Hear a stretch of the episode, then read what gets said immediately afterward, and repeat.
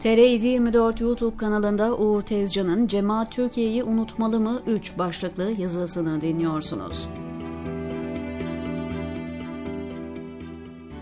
Bir yazıyı okurken yazılan fikirleri genel ve dar kapsamlarıyla irdeleyip sindirmeye çalışmak, bunu yaparken de yazarın çıkış noktasını, nihai amacını, hitap ettiği kitleyi ve o kitlenin ihtiyaçlarını anlamaya çalışmak önemlidir ve yazıya serpiştirilen düşüncelerden ne derece istifade edilebileceğini belirleyen önemli bir kriterdir. Hatta bazen öyle olur ki dikkatli ve altyapısı sağlam bir okuyucu, yazarın yazdığı bir fikir kırıntısından ilhamla çok daha derinlerde yeni manalar keşfedebilir veya yazarın aklına bile gelmedik aksiyona dönüşebilecek yeni fikirler üretebilir. Özellikle motivasyon eksenli yazılar bu kategoridedirler. Yazdığım bu son 3 yazıda hedef kitlem bugün bir soykırımın ve haksızlıkların mağduru olan, her gün türlü türlü ve son derece ciddi travmalara maruz bırakılan ve bu ağır imtihan dolu yolculuğu da yalnız başına göğüslemek zorunda kalan Müslüman Hizmet Hareketi mensuplarıdır. Yazılanların bu grubun mensupları dışında kimseyi herhangi bir konuda ikna etmek gibi bir çabası yok. Hatta kimseyi hiçbir konuda ikna etmeye de çalışmıyorum. Adı üzerinde bir motivasyon yazısı ve nasihat amaçlı bile değil.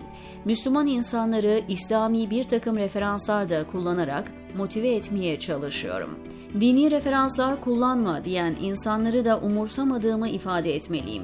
Hatta bu insanların dindar olmaları da ayrı bir garabet. Bizler Müslümanız ve yanlış bir çizgide ve bağlamda kullanmadığımız müddetçe dini kaynaklarımızdan referans alırız. Sürecin başında konuştuğum dindar bir kişiyi hatırladım şimdi. Yaşanan ve yaşanacak zorlukları dini birkaç terminoloji ve örnekle dile getirdiğimde hemen tepki vermişti. Dini referans kullanma demişti o da. Oysa vicdanını örtmeye çalıştığını fark edemiyordu. Oysa vicdanını örtmeye çalıştığını fark edemiyordu. Beş dakika sonra kendisine sen niye zulme karşı mücadelede köşeye çekilmeyi tercih ediyorsun diye sorduğumda hemen bir hadise sığındı ve fitne zamanında köşeye çekilmek gerektiğini söyledi. Oysa bunu yaparken zalim hükümdara karşı adaleti savunmanın da dini bir vecibe olduğu gerçeğini görmezden geliyor ve fitne diyerek aslında kendi vicdanını dağılıyordu. Bunların dışında mesela liberal, laik veya başka bir mahalleden insanın, hatta süreçten dolayı hareketten ayrılmış insanların da bu yazı serisini anlamalarını bekleyemem. Çünkü yazının hitap ettiği özel bir kitle var ve o kitlenin bir ihtiyacına dönük olarak yazılmış. Zor durumda kalmış Müslüman bazı insanlara Müslümanlığı çok yanlış boyutlarda algılamaya başlamış, bir sürü suç ve günahın bataklığına batmış, zalim bir iktidar tarafından zulmediliyor. Dini referanslarla hatta fetvalarla yapıyorlar zulümlerini ve direkt olarak dini bir hareketi bitirmeye gayret ediyorlar. Onların dini referanslarını, inançlarını, birlikteliklerini yıkmaya dönük söylemler üretiyor ve algı operasyonları yapıyorlar düzenli olarak kendi başlarına gelen sıkıntıları anlamakta zorlanan bazı insanlar böyle süreçlerde itikatlarını bile sorgulamaya başlayabilirler. İtikatlarını sorgulamayanlardan da geleceğe dair ümitlerini yitirenler çıkabilir. Bu insanlara yaşadıkları travmaların detaylarına dair bilgilendirmeler yapmak, onların bazı yan etkilerini idrak etmelerini sağlamak ve onları motive etmeye çalışmak kardeşlik gereğidir.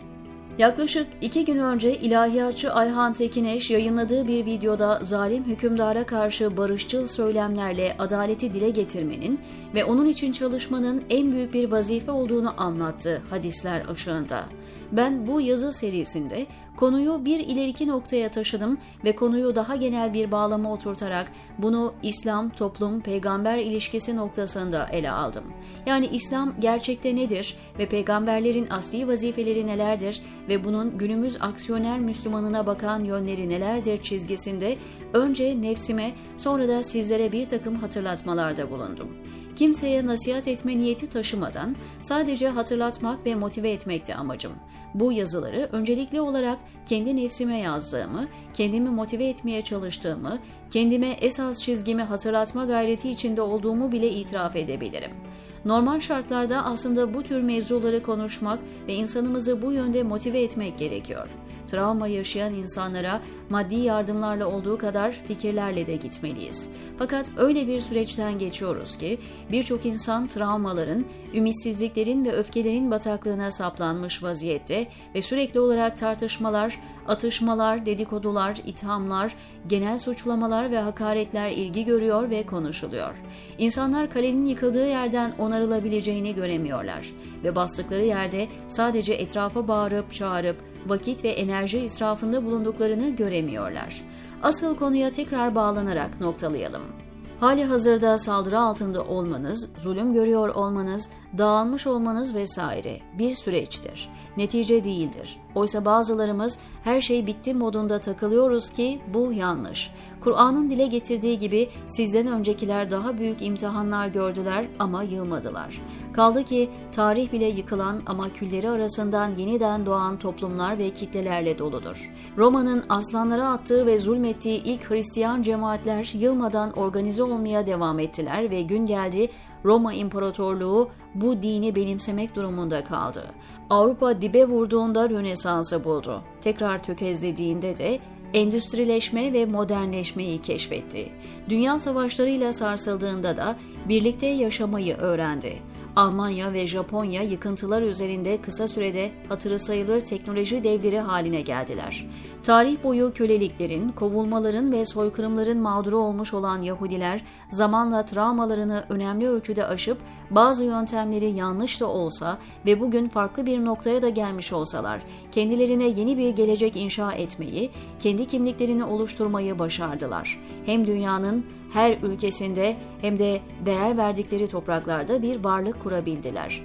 İran zulmünden kaçan İranlılar, Türkiye'deki tehcirlerden kaçan Ermeniler, Uzak Doğu Asya'daki zulümlerden kaçan insanlar gittikleri ülkelerde çok başarılı diasporalar oluşturdular.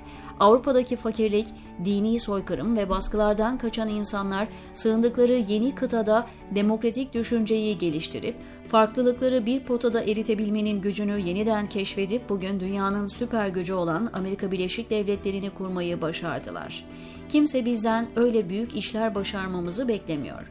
Ancak kendimizi toparlayıp Müslüman kimliğimizi ve Müslüman olmanın gereğini yerine getirmemiz, omuzlarımızdaki gerçek ve kutsi vazifeyi hatırlamamız gerekiyor.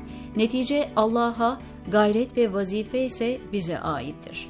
Bizim fikri, vicdani ve ameli noktalardaki duruşumuz ve kararlılığımız yıkıntılar arasında bulunuyor bile olsak Allah'ın bizler için belirleyeceği geleceğin belirleyicisi olacaktır. Özetle zalimin zulmüne karşı sadece buğz etmek yeterli değil. Günün şartlarını ve imkanlarını kullanarak bu uğurda organize olarak barışçıl ama kararlı ve stratejik yöntemlerle adaletin tesis etmesi adına gayret göstermek hem insani hem de İslami bir vazifemizdir. Bunun içine soykırımcı zihniyetlere bir gün adaletten sapmadan ama kararlılıkla yine adalet önünde hesap sormak dahildir. Bunu unutmadan bu noktada birbirimizi motive etmekte, hatırlatmalarda bulunmakta, hakkı ve sabrı tavsiye etme çizgisinde ayrı bir kutsal vazife ve salih bir ameldir, diyor Uğur Tezcan TR724'deki yazısında.